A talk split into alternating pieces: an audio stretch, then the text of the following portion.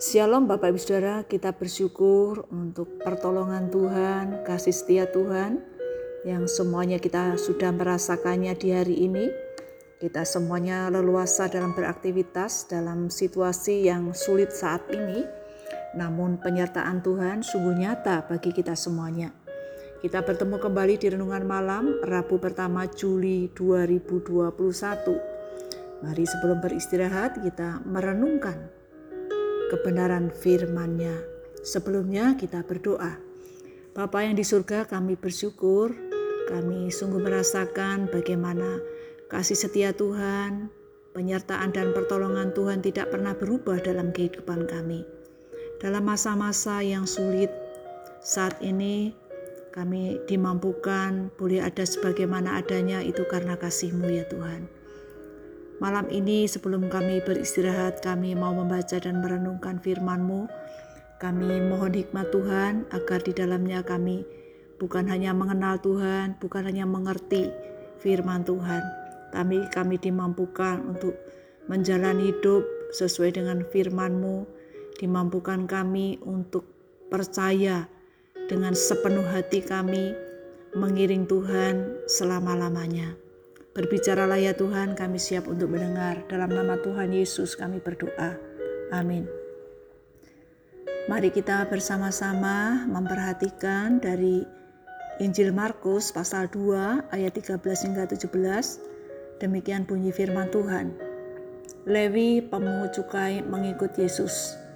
Sesudah itu Yesus pergi lagi ke pantai danau dan seluruh orang banyak datang kepadanya Lalu ia mengajar mereka.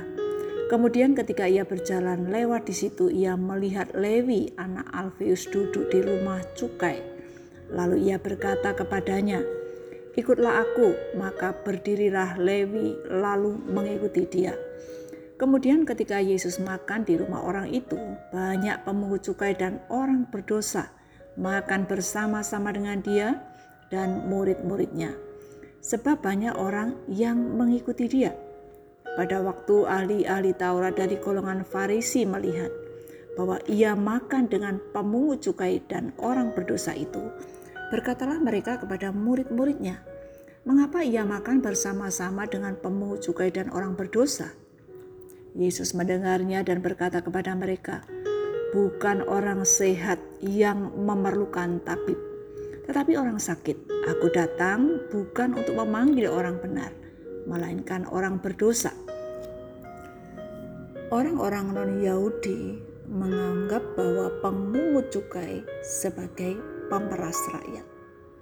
Menjajah masyarakat dengan cara melakukan pemungutan pajak yang lebih dari seharusnya untuk mendapatkan keuntungan yang lebih besar. Pemungut cukai dianggap sebagai pengkhianat bangsa.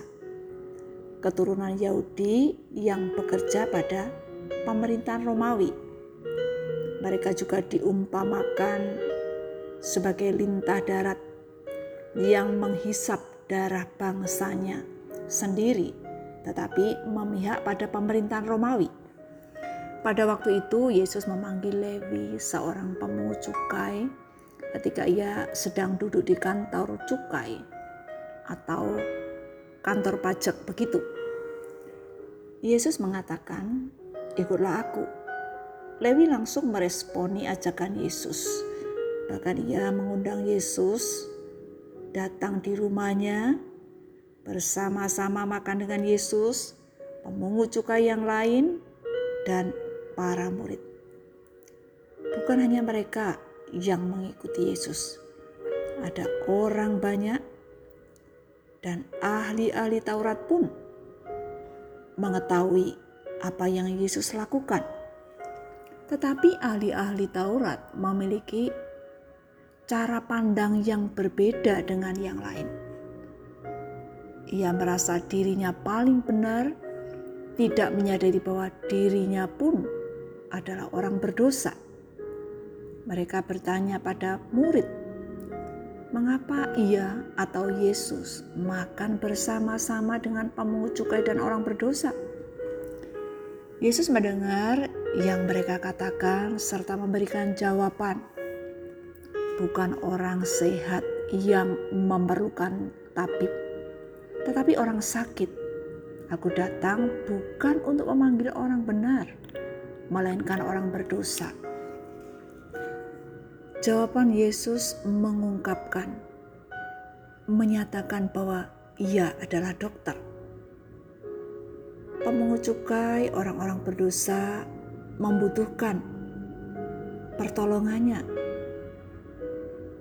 sehingga ia datang mencari mereka.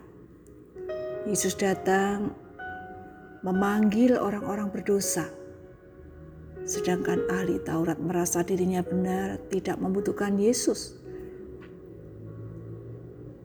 Pemungut cukai tidak perlu berpikir panjang untuk meresponi ajakan Yesus, karena ia menyadari bahwa dirinya adalah orang berdosa, karena ia menyadari bahwa ia memerlukan Tuhan.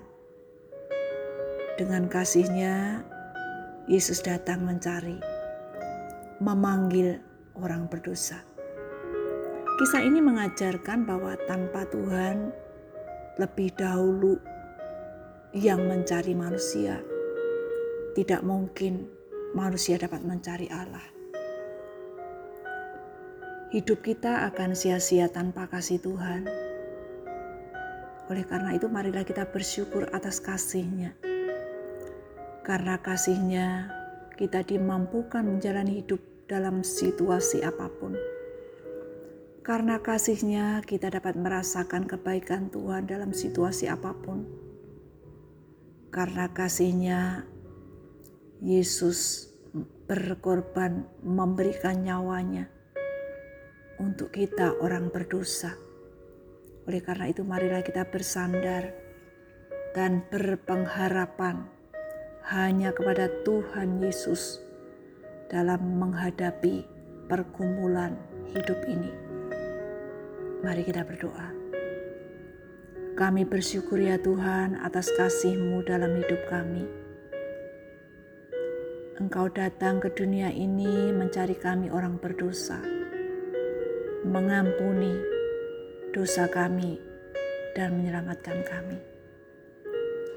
Dalam menjalani hidup ini, mampukanlah kami senantiasa dapat merasakan kasih-Mu yang tidak pernah berubah oleh karena apa pun. Dalam masa pandemi ini ya Tuhan, ajarkanlah kami tetap percaya bahwa Tuhan bersama kami, menopang, menghiburkan, dan menguatkan kami. Kami juga mempercayakan hidup kami selanjutnya, istirahat malam ini dalam pemeliharaan, kasih Tuhan yang sempurna. Kami juga meyakini bahwa hari esok dengan pimpinan dan pertolongan Tuhan, kami dimampukan menjalani hidup yang Tuhan izinkan. Dalam nama Tuhan Yesus sebagai sumber pengharapan, kami berdoa dan bersyukur. Amin. Bapak Ibu sekalian, selamat malam, selamat beristirahat. Tuhan Yesus memberkati kita semuanya. Amin.